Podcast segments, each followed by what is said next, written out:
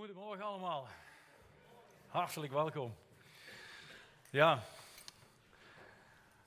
Als ik nu vanmorgen ook weer de, de zangdiensten hoor, dan denk ik dat uh, ja, alle liederen zijn, zijn gewoon gebeden en, en, en, en dat is zo mooi. En ik ga het vanmorgen ook over gebed hebben. En mijn vader, die al naar de Heer toe is, die kon altijd zo mooi zeggen, hij zegt, Martin, zegt hij, zingen, dat is dubbel bidden. Daar zit power en daar zit kracht in. En uh, ja, daar zijn we gewoon enorm dankbaar voor. Ook de mensen thuis, uh, ook hartelijk welkom. We danken dat u uh, ook weer aanwezig bent, door afgestemd bent, ook op de, ja, op de livestream van, van Commercie en Schinnen. Wat ik u vanmorgen wil delen, dat is een, een woord van Jezus. We hebben heel veel over Jezus al gezongen. Ja? En een van de dingen is dat we gewoon heel, heel dicht bij hem moeten blijven. En dat is ook wat ik sterk op mijn hart gekregen heb: van ja, je kunt heel veel dingetjes vertellen en doen, maar Martin, blijf gewoon dicht bij dat woord. En een van de dingen die ik doorgekregen heb, wat me niet losliet, dat was dat hij zegt van uh, in, uh, Matthäus, als het gaat zeg maar dus hoe er gebeden moet worden, ja, dat zelfs zijn leerlingen hem vragen van, van, van heer, hoe, moet dat nu? Hoe, hoe kunnen we dat doen? Ondanks dat ze misschien al heel veel dingen gehoord en gezien hebben. En waarom? Ik denk dat wij dat ook allemaal meemaken. Dat we heel veel dingen horen en zien als er gebeden wordt. Dan denk ik van, dan hoor ik mensen denken, oeh, nou, die kan er wat van. Hè? Hoe vindt u de woorden bij elkaar en dit en dat? Hè? Dan word ik er soms verlegen van. Maar dat is allemaal niet nodig. Want ik ben hartstikke gelukkig, want Jezus die zegt, jongen, kijk nou even wat ik te vertellen heb. En uh, hij zegt bij uh, Matthäus uh, Even kijken, ja, Matthäus 6 heeft hij dus over het, uh, het Onze Vader. En hij zegt, en wanneer gij bidt, zult gij niet zijn als de huigelaars, want die staan gaarne in de synagogen en op de hoeken van de pleinen te bidden, om zich aan de mensen te vertonen. Voorwaar, ik zeg u, zij hebben hun loon reeds. Maar gij, wanneer gij bidt, ga in uw binnenkamer en sluit uw deur en bid tot uw vader in het verborgen. En uw vader die in het u in het verborgen ziet, zal het u vergelden. En gebruik bij het bidden geen omhaal van woorden, gelukkig, zoals de heidenen. Want zij menen door een veelheid van woorden verhoord te zullen worden. Word hun dan niet gelijk. Want God, uw vader, weet wat gij van nodig hebt. Eer gij hem. En dat staat voor dat Jezus ons dat gebed gaat geven. En ik denk dat dat super belangrijk is als Jezus met dat gebed komt om op het voorgaande uh, te antwoorden. Wat ik terug wil doen, dat is nog een keer dat stukje lezen. En u weet hoe ik daarmee in elkaar zit. Heel belangrijk is dat dat, dat woord persoonlijk gaat worden. En hoe wordt dat woord persoonlijk? Door eigenlijk je voor te stellen dat Jezus gewoon tegenover je aan de tafel zit en dat je met hem een kop koffie aan het drinken bent. Maak het, probeer dat gewoon, dat beeld voor je te krijgen. Want Jezus is zelfs nog dichterbij hè, in je hart, maar probeer dat visueel te maken en dat hij aan het vertellen is. Want het is zo dat 95% wat wij doorkrijgen, want er wordt vaak mensen zeggen, oh ik heb dit van de Heer gehoord, dat van de Heer gehoord. Ja, en dan gaan de stille tijd en dan Martin ging mooi stilzitten en ik denk van nou, dan komt er heel wat. Maar er kwam niks. Ik denk, was dat? Ik doe iets niet goed. En toen, kwam, toen kreeg ik een hele mooie gedachte binnen. En uh, die ging eigenlijk over het stukje dat Maria aan de voeten van, van Jezus zat. En die gedachte kreeg ik binnen. En ik merkte dat Jezus jullie denken van, ja, hoe deed Maria dat nou? Ja, ja die zat bij u aan uw voeten en die luisterde. Ja, oké, ja, u was daar en u sprak. Ja, zegt hij, is prima. Maar hoe denk je, zegt hij, dat ik nu tot je spreek? Hallo, ik heb je mijn woord gegeven, dus ga zitten, wees stil en lees. Nou, als ik dan ga lezen datzelfde stukje nog een keer, en dan zegt hij, Martin, wanneer jij bidt, zul je niet zijn als de huigelaars, want die staan gaarne in de synagogen en op de hoeken van de pleinen, om zich aan de mensen te vertonen. Voorwaar, ik zeg jou, zij hebben een loods reeds gehad. Maar jij, wanneer jij bidt, Ga naar je binnenkamer en sluit de deur en bid tot jouw vader in het verborgen. En jouw vader, die in het verborgen ziet, zal het jou vergelden. En gebruik bij jouw bidden geen omhaal van woorden zoals de heidenen. Want zij menen door hun veelheid van woorden verhoord te zullen worden. Word dan niet gelijk, want God, jouw vader, weet wat jij voor nodig hebt. En eer hem. Oké, ik denk duidelijke kan niet. Dit is een fikse opdracht. Als je dat zo gaat lezen, nou, dan hebben we nog wat in te vullen. En wat zegt Jezus dan? Hij, is, hij gaat ons het onze vader leren. En hij begint met onze vader. En eigenlijk wat Jezus dan zegt, realiseer je eens wat hij zegt, onze vader. Dus we hebben een gemeenschappelijke vader. Als wij dat hier onder elkaar zeggen, dan betekent dat dat wij niet alleen een relatie met God hebben, maar dat wij onderling ook een relatie hebben. Hallo, we zijn broers en zusters van elkaar, want anders kan ik niet onze vader zeggen, zo simpel is dat. Ja? Dus wat heeft Jezus al helemaal voor, bovenaan staan? Wat ook ons ding bovenaan staat, is het familie zijn. Hij wil gewoon aangeven van we zijn één grote familie van elkaar. En daarvoor begint hij met onze vader. En nou kun je dat, als je dat zo doorleest, dan zegt hij vergeef onze schulden, dus dan maakt, gaat het weer voor ons alles samen. Ja, dan kijk ik om me heen, wat, onze, wat heb ik allemaal? Nee, maar op het moment dat ik het weer persoonlijk mag maken, dan zegt Jezus, oké, jij mag persoonlijk bidden tot jouw vader. En dan klinkt het, mijn vader die in de hemel is. En dat heet ook een stukje proclameren. Wat we uitgezongen hebben, zijn allemaal proclamaties. Waarom? Omdat wat we uitspreken, ja, dat wordt gehoord in de wereld. Vroeger proclamatie wilde zeggen, als er naar kwam en die ging wat voorlezen, dan was het de bedoeling dat iedereen dat kon horen. Goed of slecht, iedereen kreeg dat mee. En dat geldt nu hetzelfde. Als wij iets proclameren, dan hoort God dat, maar dan hoort de vijand dat ook. En als wij de goede dingen proclameren, dan weet hij meteen waar die staat. En als ik spreek van mijn vader die in de hemel is, dan is de toon gezet. Dan weet hij waar we het over hebben. Dan staat hij aan de, aan de kant, weg ermee. Ja, we hebben het daarover. Uw naam wordt door mij geheiligd. Want daar staat, ja, uw naam wordt geheiligd. Ja, door wie? Oh, door die anderen. Nee, het gaat over mij. Het is een persoonlijke relatie die ik met hem heb. En wat zeg je dan eigenlijk? Een aantal dingen waarom dat hij geheiligd wordt. En dat is al een gebed op zich. Hè? Dus als je dan kunt zeggen, ik prijs u Heer, omdat u de hemel en de aarde voor mij gemaakt heeft. Ik heb wat voorbeelden opgeschreven. Omdat er niemand zo wijs is als u. Omdat u alleen alles weet en niemand anders. Omdat er niemand zo groot en zo machtig is als u. Omdat er niemand is die zo goed en zo bemachtig is, machtig is als u. Nou, en deze dingen, vul het voor uzelf in wat hart ingeeft om daar zo te kunnen en mogen spreken. En vervolgens zeggen we, uw koninkrijk komen. Ja, prima. En dan wordt er gauw verder gebeden, uw koninkrijk komen. Nee, blijf daar eens even bij stilstaan. Verwachten wij ook dat koninkrijk? Jezus zegt, hallo, uh, uw koninkrijk komen. Ja, en vind je dat maar normaal? Nee, eigenlijk niet. Ja?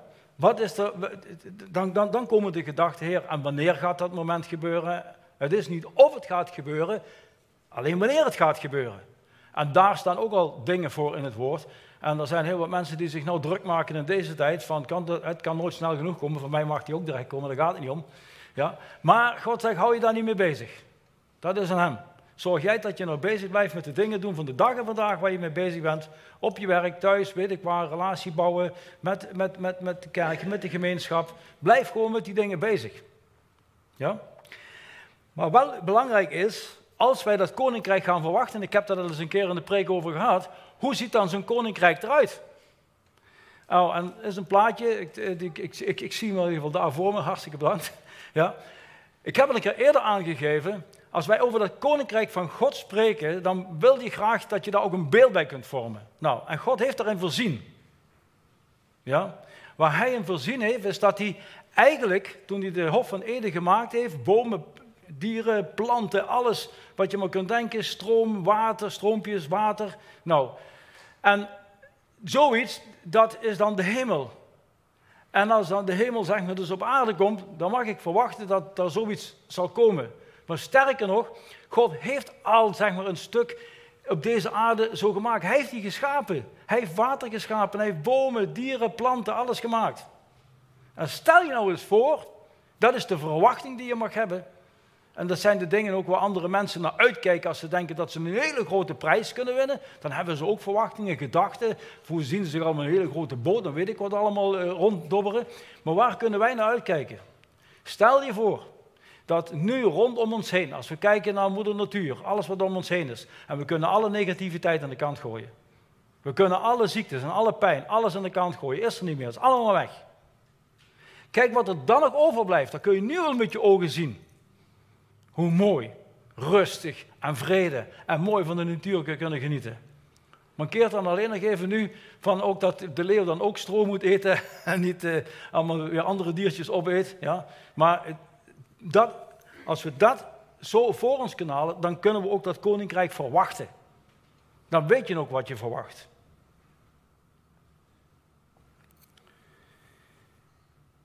Als je eigenlijk die verwachting zo hebt, dan kun, je er, dan kun je er allerlei dingen voor gaan doen. Maar het is niet nodig. We hebben net al ook in, in de zang gehad dat, dat Jezus, Jezus is koning, Jezus heeft alle dingen zeg maar, dus volbracht. We hoeven dat allemaal niet zelf te doen. En het is gewoon maar zo, wij kunnen het aannemen als een cadeau van Hem. En als je dat, niet, dat cadeau niet aanneemt, dan is er gewoon ook iets anders. En ook dat moet je niet uitsluiten, dat moet je ook voor ogen houden. En dat is, zoals de Bijbel dat noemt, de buitenste duisternis. Dus het is ook realiteit dat naast die hemel, naast zijn koninkrijk, ook een buitenste duisternis is. En dat is wat ook wel eens vaker uh, de hel genoemd wordt, maar dat is ook realiteit. En het vervelende is, op het moment dat wij dat niet, het geschenk van hem niet aannemen, dan neem van mij aan dat er geen tussenweg is. Helaas. En niemand kan zich in de volheid de hemel voorstellen. Niemand kan ook de volheid zeg maar dus, van de hel en de buitenste duisternis voorstellen. Maar het is wel één ding, dat heb ik wel uit de Bijbel gelezen. Dat is een plek waar je zeker niet wil zijn. En zeker niet voor eeuwig. En daarmee ligt het voor ons dat wij, als we dit bidden, uw koninkrijk komen en wij verwachten het, dat er ook bij zit van, oké, ik verwacht het niet alleen voor mezelf, maar ik verwacht het voor mijn kinderen, ik verwacht het voor mijn kleinkinderen, ik verwacht het voor mijn hele familie, ik verwacht het voor heel de natie. En om daar aan te kunnen werken, ja, dat kunnen jullie zelf ook lezen in de Bijbel, komen over heel veel dingen terecht, daar moet je ook iets voor doen. Dat gaat niet zo vanzelf. Niet dat God het niet alleen kan, maar hij wil ons daar graag bij gebruiken. En dat is een belangrijke. Ja? Dan staat er, u wil geschieden op aarde zoals in de hemel. Ja, dat wordt zo makkelijk. Als je af en toe hoort, als het onze vader gebeden wordt, dan wordt er heel snel overheen gebeden. Maar als wij zeggen, u wil geschieden op aarde zoals in de hemel, hebben wij dan volledig vertrouwen ook in God dat zijn wil op deze aarde kan geschieden? Om hem om dan volledig te gehoorzamen? Durven wij volledig in hem mee te gaan? Geloven we dat? Staan we daarin? Geven we hem die eer? Geven we hem dat vertrouwen? Daar kom je alleen maar achter om iemand een vertrouwen te kunnen geven als je een goede relatie met hem hebt. Nou, aan die relatie, daar heeft hij hier neergeschreven. Staat in zijn woord. Heel veel in het Oude Testament, maar ook zeker heel veel in het Nieuwe Testament. Omdat Jezus dat zelf voorgedaan heeft. Hij heeft het geleefd. De apostelen zijn erbij geweest. Die hebben het gezien. Dus die kunnen dat wat ze met eigen ogen gezien hebben, hebben ze hier ook neergeschreven. Dat is waarheidsgetrouw. Dat is de waarheid. Nou, en als Jezus zegt, zijn naam is koning en hij staat boven alles. Nou, dan mogen we dat rustig aannemen. En waarom kunnen we dat aannemen? Omdat hij dat gewoon heeft laten zien. En waardoor? Door wonderen en tekenen. Het is niet dat wonderen en tekenen voorop gingen. Dat was niet zijn hoogste prioriteit. Zijn hoogste prioriteit was inderdaad dat koninkrijk van God is nabij. En hij wilde alleen maar laten zien als hij koning is in dat koninkrijk, welke macht en kracht hij heeft, waar we ook over gezongen hebben. Welke macht en kracht hij heeft. In dat koninkrijk vind je geen zieken. Dat, heeft hij laten zien. Heel simpel. En daar stond er, ze kwamen van heiden en verre, met alle ziektes en alle kwaal. Dus wat vandaan dat ook mocht hebben, hij genas het, hup, klaar. En dan konden demonen komen wat ze wilden, welke types het ook waren, eruit, weg ermee. Dus daarmee toonde Jezus aan, hey, wat jullie van beeld mogen hebben, in die rust en in die vrede, zo om je heen, dat is waarheid. Omdat ik er dan ben. En ik zorg daar gewoon voor. Dus op zich is dat echt, ja, als je dan dat onze vader zo gaat pakken, dan denk ik dat het, uh, dat het steeds dieper en dieper gaat. Het volgende is gewoon, geef mij heden, hè, want hij geeft ons ons dagelijks brood. Maar een van de belangrijke dingen is, als we het hebben over dagelijks brood, ja, God zorgt ervoor. Hij heeft het wonderbaarlijk laten zien toen de Joden 40 jaar door die woestijn trokken. Het ontbrak niet aan mannen en ook niet aan kwarteltjes. Ja? En hij, daar, zorgt hij voor. En ook op dit vlak, als wij hier nu zijn, dan zeg je, ja, maar goed, maar hey, weet je wat een baan dat ik heb? Weet je hoe God zegent? Daar ben ik al super trots over dat wij het helpcentrum mogen hebben hier. Ook in die stukken. God zorgt daar gewoon voor. Als wij maar op Hem gefocust zijn en op Hem vertrouwen, dan geeft Hij gewoon ook je dagelijkse dingen die je nodig hebt. Soms niet meer, maar ook niet minder. En dat is het dagelijks brood. Maar daarnaast nog een hele belangrijke. We hebben ook dagelijks zijn geestelijk brood nodig.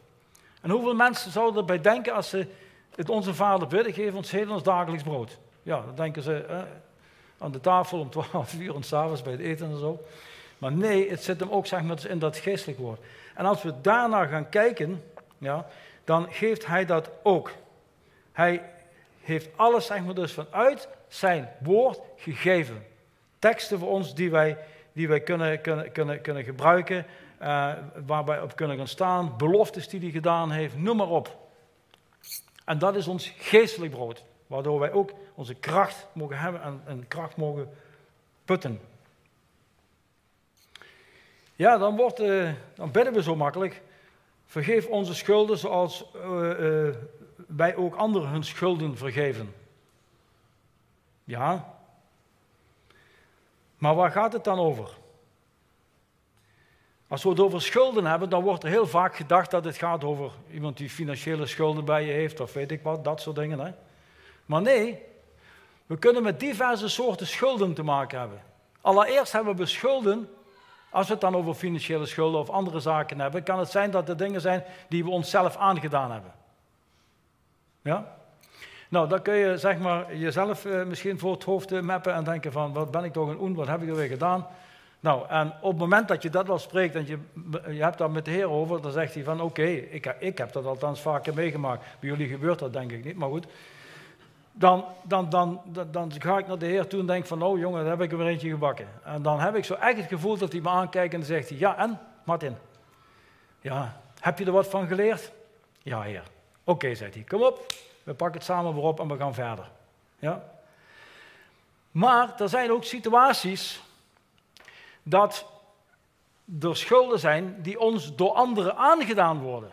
Nou, en er gebeurt deze, in deze tijd heel wat in de wereld, dat ons dingen overkomen waar ik niet om gevraagd heb.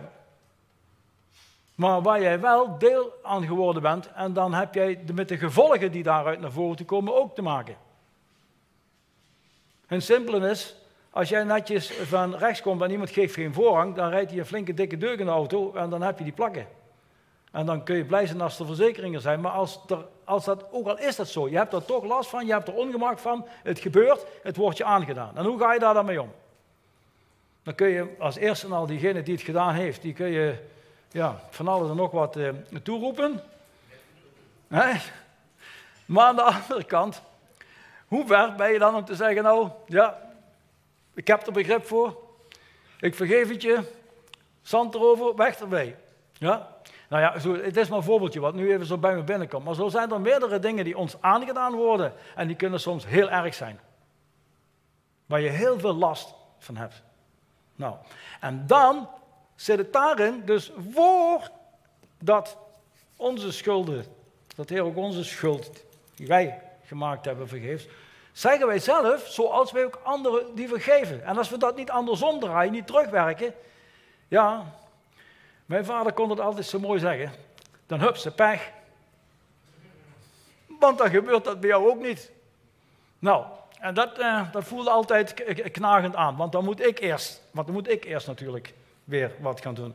Nou, dus daar vandaan, lees daar niet te gemakkelijk overheen en bid daar niet te gemakkelijk overheen, maar ga, daar, ga wel ook in het woord daarvoor op zoek van uh, hoe kan ik daar zeg maar het beste mee omgaan.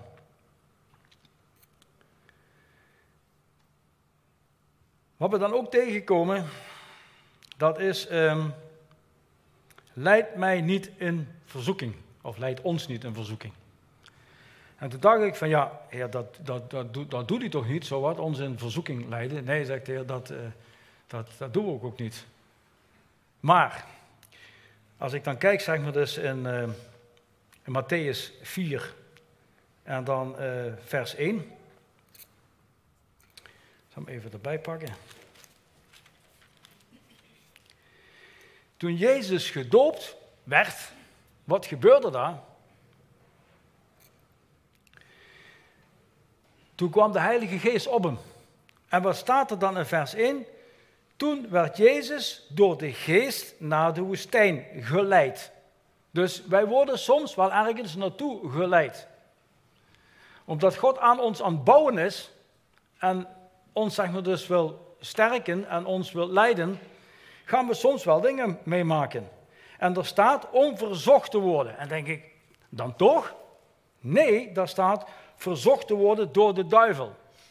En dat is iets wat wij meemaken en af en toe niet begrijpen dat toch dingen om ons heen gebeuren die God ons niet aandoet, ja, maar die Hij wel toe kan laten.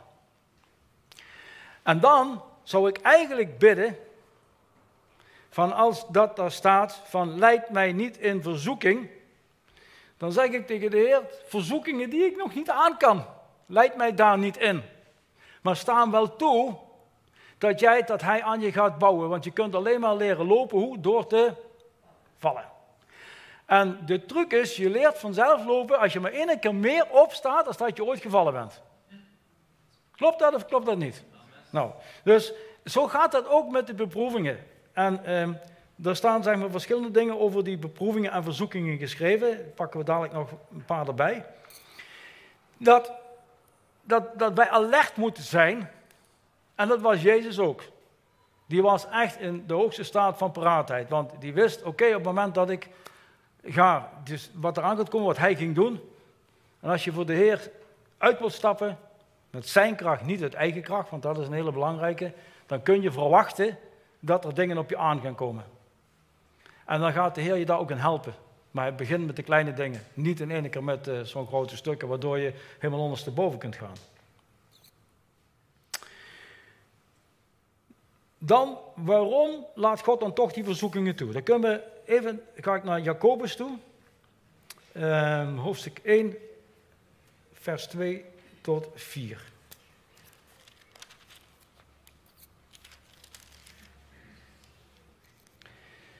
Toen ik dat las, dan denk ik, nou, er komt iets bij toen las ik iets van, denk ik van ja, uh, ik, verzoekingen vind ik, dat vindt niemand helemaal leuk als dat moet, maar dan staat hier in één keer, houd dat voor een enkele vreugde, mijn broeders. En als we het dan weer persoonlijk maken, stel voor, Jezus zit tegenover je, die hebben nog altijd gesprek, dan zegt hij, begin met Martin, houd het voor enkel vreugde, wanneer jij in velerlei verzoekingen valt. Ik denk, hallo, waarom dat dan? Want je weet dat de beproefdheid van jouw geloof, en daar komt het, jouw geloof, wat is geloof? Het vertrouwen hebben in. Dus als ergens iets niet goed gaat, heb ik dan genoeg vertrouwen om te weten van oké, geen zorgen, want dat heeft de Heer gezegd, geen zorgen, dat komt goed. En de geestelijke antennes uit van hoe moet ik reageren, wat moet ik doen in die situatie. En dat is groeien. Want weet dat de beproefdheid van jouw geloof, jouw vertrouwen, volharding uitwerkt. Oké. En die volharding moet volkomen doorwerken, zodat jij volkomen en onberispelijk bent en in niets tekortschiet. Oeh, ik denk, nou, dat zijn de opdrachten die daar staan. Ik heb het niet geschreven, de Heer heeft het zelf hier, Jezus heeft het aangegeven. Dus als Hij dat vertelt, dan kunnen wij wel uh, makkelijk eh, zeggen van, lijkt me niet een verzoeking. Maar dan plak ik er graag achteraan die mij niet te zwaar zijn. Omdat ik weet dat ik door die verzoekingen wel kan groeien. En we hebben een goed God. Hij laat ons niet vallen en we raken niet van de wal. Hij zal zorgen, zeg maar, dus dat wij niet boven ons machten beproefd worden. Staat ook ergens in de Bijbel. Dus daar mogen we ook op vertrouwen. Wauw. en dan staat er ook, achteraan natuurlijk, maar verlos mij van het kwade of van de boze. Jezus zegt dat. Dat wij dat uit moeten spreken. En hier komt zeg maar dus ook weer een stukje proclamatie. Waarom? Uh, jij moet zeggen wat je wilt. En ik heb daar ook even moeten denken van, heer, ja, hoe bedoelt hij dat precies? Ja, zegt hij, uh, als jij iets wilt en je wilt genezen worden bijvoorbeeld, hè, dat zijn ook allemaal dingen die je dan moet zeggen. Om maar het voorbeeld te noemen uh, van uh, die man die verlamd was, die aan de poort zat bij de tempel. Uh, die iedere keer om een aalmoes vroeg. En diezelfde man, die zat er nog toen Jezus gekruisigd was, toen Jezus dood was. Er zat diezelfde man daar nog. Die was dus nog niet genezen. En toen komt Petrus met Johannes komt langs, gingen naar de tempel, waar Jezus waarschijnlijk ook al weet ik hoe vaak langs geweest is. En die man, ja, die hield zijn hand op.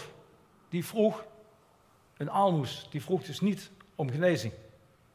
Waarschijnlijk heeft hij ook niet, want we hebben ook verhalen gehoord van als Jezus ergens kwam, dat iemand riep, hey, Jezus, Jezus. De blinde die modder op zijn ogen kregen en zo. Omdat die een verwachting hadden van genezing. Dus niet een verwachting van aalmoes, maar van genezing. Dus daar vandaan moeten wij ook verwachten en uitspreken. Bid dat nou maar, verlos mij van de boze. Anders had Jezus dat niet gezegd. Waarom? Omdat wij in een wereld leven op dit moment waar zoveel boosheid om ons heen is. Zoveel machten, demonische machten om ons heen. En die proberen je op allerlei manieren pootje te lappen. Zo simpel is dat. Dat is waar. En op dat moment blijf je proclameren. Dan zeg je, hé, hey, wacht even, Jezus heeft mij geleerd hoe ik daar tegenin kan gaan. Ik kan hulp roepen. Heer, verlos mij van de boze. Ja, dus dat moeten we gewoon ja, in kracht en in werking gaan zetten.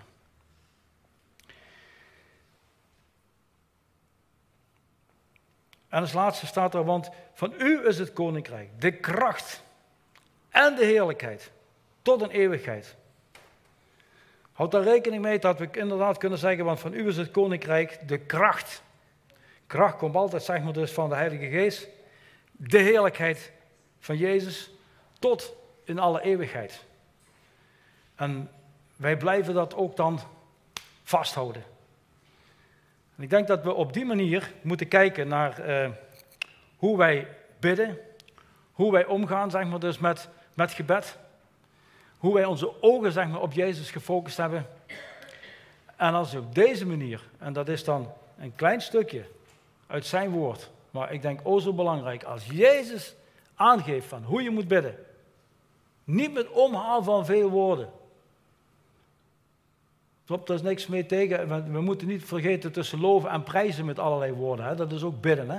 Maar het gaat om, om, om de nood. Als er dingen zijn die niet goed zijn. Als het gaat om het dagelijks brood. Als het gaat zeg maar, om vergeving. Als het gaat uh, uh, over, over schulden. Noem het maar op. Dat bedoel ik. Dan is het gericht aanpakken. En wat ik ook nog mee wil geven. In dat bidden.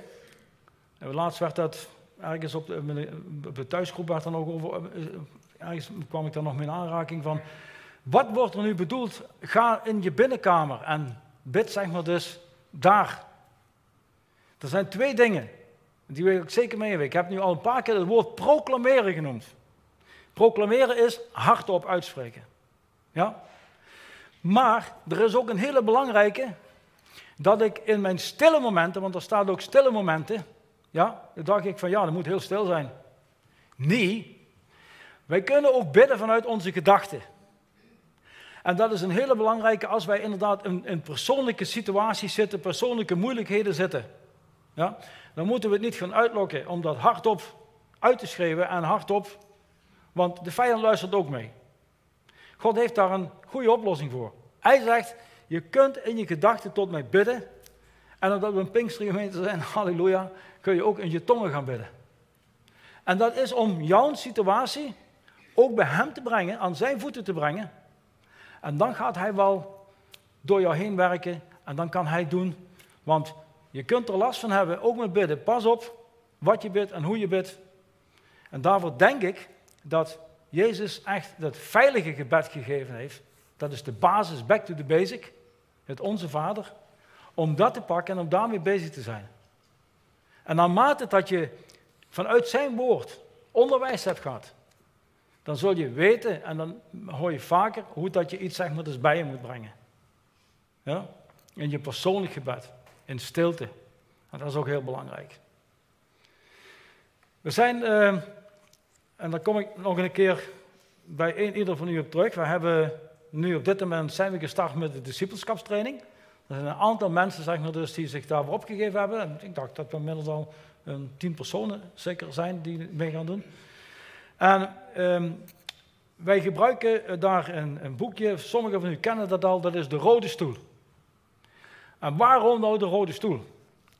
De rode stoel is eigenlijk, dat geeft aan, een beetje in de trend van de rode loper. Die leg je voor belangrijke mensen uit. Als Jezus op bezoek zou komen, dan zou ik graag de rode loper uitrollen van kom binnen, kom binnen. Ja, toch? Nou, maar de bedoeling is ook weer, het zijn maar een paar blaadjes. Maar hoe krachtig kan dit gebed en wat hierin staat kan zijn? Ik neem u daar kort mee doorheen. En ik heb een aantal boekjes heb ik bij me. Uh, voor degenen die er niet geen hebben, die kan, die, kan ik er misschien een geven. En anders zorg ik dat ik er genoeg krijg voor de volgende keer voor mensen die het niet hebben, die er ook eentje kunnen hebben. Wij als leidersteam, wij gebruiken dit elke keer. En elke keer bedoel ik ook, ook op het moment dat wij uh, een teammeeting hebben, dan gaan we door deze gebeden heen. Hier kun je heel lang mee bezig zijn, hier kun je heel kort mee bezig zijn. Het eerste gebed wat hier staat, dat gaat over proclamatie. Overal waar je bent kun je hardop uitspreken dat Jezus jouw koning is. Het is ook zo belangrijk dat wij aangeven wie onze koning is, wie over ons regeert. Niet de duivel, niet een of andere andere God, maar het is echt zeg maar dat Jezus is koning. En de rode stoel is eigenlijk bedoeld om aan je die keuze te herinneren. Dus dat zijn reminders die we nodig hebben. En wat belangrijk is, dat wij gewoon iedere keer, en dat kunt u ook doen, uitspreekt van, nou, Jezus is koning over mijn gezin, over mijn huis. Jezus is koning over mezelf, over Annemie, over mijn kinderen, over mijn kleinkinderen. Jezus is koning over Commercie Schinnen. Jezus is koning over heel Limburg, over heel Nederland, over alle naties. Ja? En u mag invullen wat dan, want wat ik nu doe, dat is gewoon dat wat aan gedachten binnenkomt. Vul dat maar in. Op het moment dat je zegt, Jezus is koning over, kan alleen maar iets goeds naar boven te komen. Maar we moeten het wel proclameren dat we het uitspreken. Een tweede gebed is van wie zie je voor je op die rode stoel die het koninkrijk van God binnen mag gaan. Ken je iemand die op zoek is naar God en meer over hem wil leren? Zo iemand wordt ook wel eens de persoon van vrede genoemd.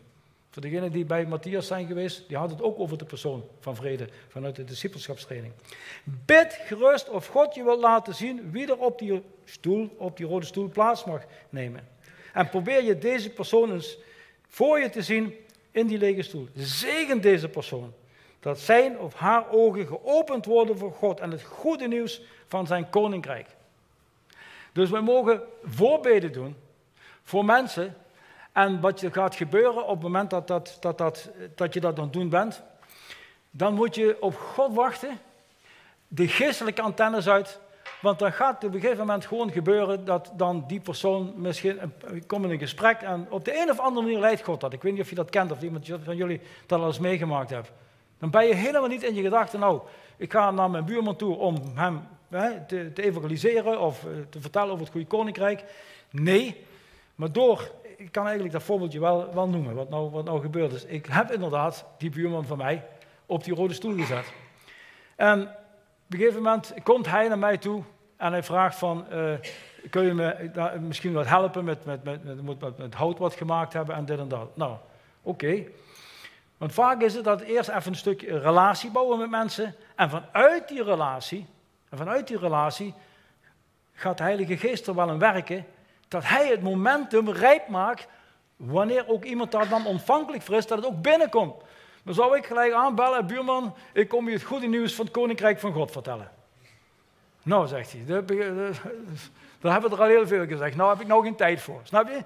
Dus maar als we het aan God overlaten, de Heilige Geest, dan gaat dat op een andere manier gebeuren. Dus, maar dan mag je wel al voor over bidden. Ik durf jullie rustig te zeggen, ook over mijn eigen kinderen en de kleinkinderen. Ik bid ook niet dat het per se door mij moet gebeuren. Nee, Heer, het is aan u. Als u mijn kleinkinderen wilt aanraken en door anderen, be my guest. Als het maar door u is en niet door iemand anders. Ja? Derde gebed is, wij hebben autoriteit gekregen. Doordat wij Jezus hebben aangenomen en Jezus onze koning is, zijn offer aangenomen en ook nog gedoopt, hebben wij de sleutels gekregen van hem. En de sleutels, kan ik even kort zijn, er is al meer over gesproken, en heeft ook Matthias het de afgelopen keer weer over gehad. Dat zijn de sleutels om het, het rijk van het kwade de poorten van de kwade te sluiten en de poorten van de hemel te openen. En mensen, dat is echt, als we het over gebed hebben, is dat enorm belangrijk. Als u ziet dat in uw omgeving, bij u thuis of bij uw kinderen, weet ik wat, of bij de eh, schoondochter, schoonzoon, ik weet niet wat allemaal kan zijn. Hè, en je ziet dat daar dingen gebeuren die niet moeten gebeuren. Alsjeblieft, blijf bidden, blijf bidden. Bid naar de Heer. Ik heb van u de autorisatie gekregen. Voor die plek, op die plaats, voor die persoon. Sluit ik zijn poorten van, van, van, van kwade. Dat er geen negativiteit zal komen, dat er geen invloed zal zijn.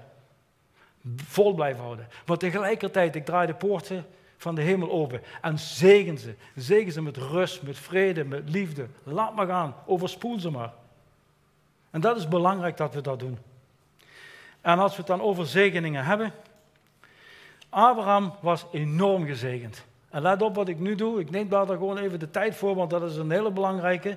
Wij zijn zeg maar, dus geënt op het Jodendom. En wij zijn zeg maar, dus ook, wij hebben dus daardoor ook, en doordat Jezus vanuit die bloedslijn komt en hij zeg maar, onze koning geworden is, zijn wij ook erfgenamen geworden van de zegeningen die eh, eh, Abraham gekregen heeft.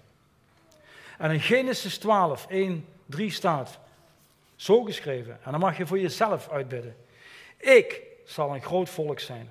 Ik ben gezegend in Jezus. Ik heb aanzien bij mensen op mijn werk en in de stad. Ik ben een bron van zegen.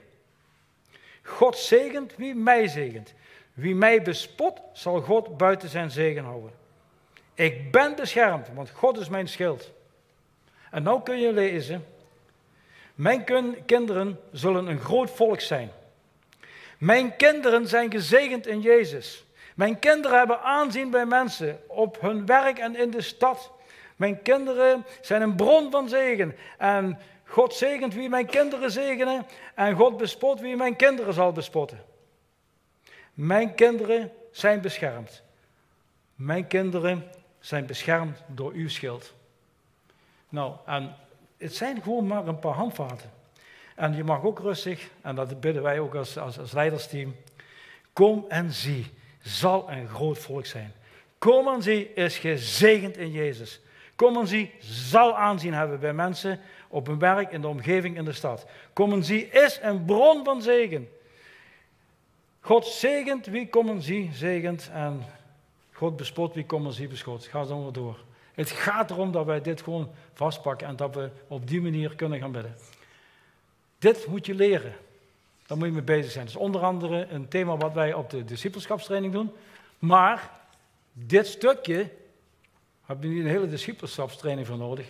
Kunt je ook thuis doen. En daar komen we ongetwijfeld nog wel een keer op terug.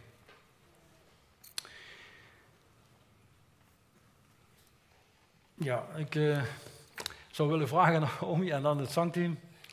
Ik hoop dat u daar iets mee kunt. En, uh, dat het echt bij u mag, eh, mag, mag indalen.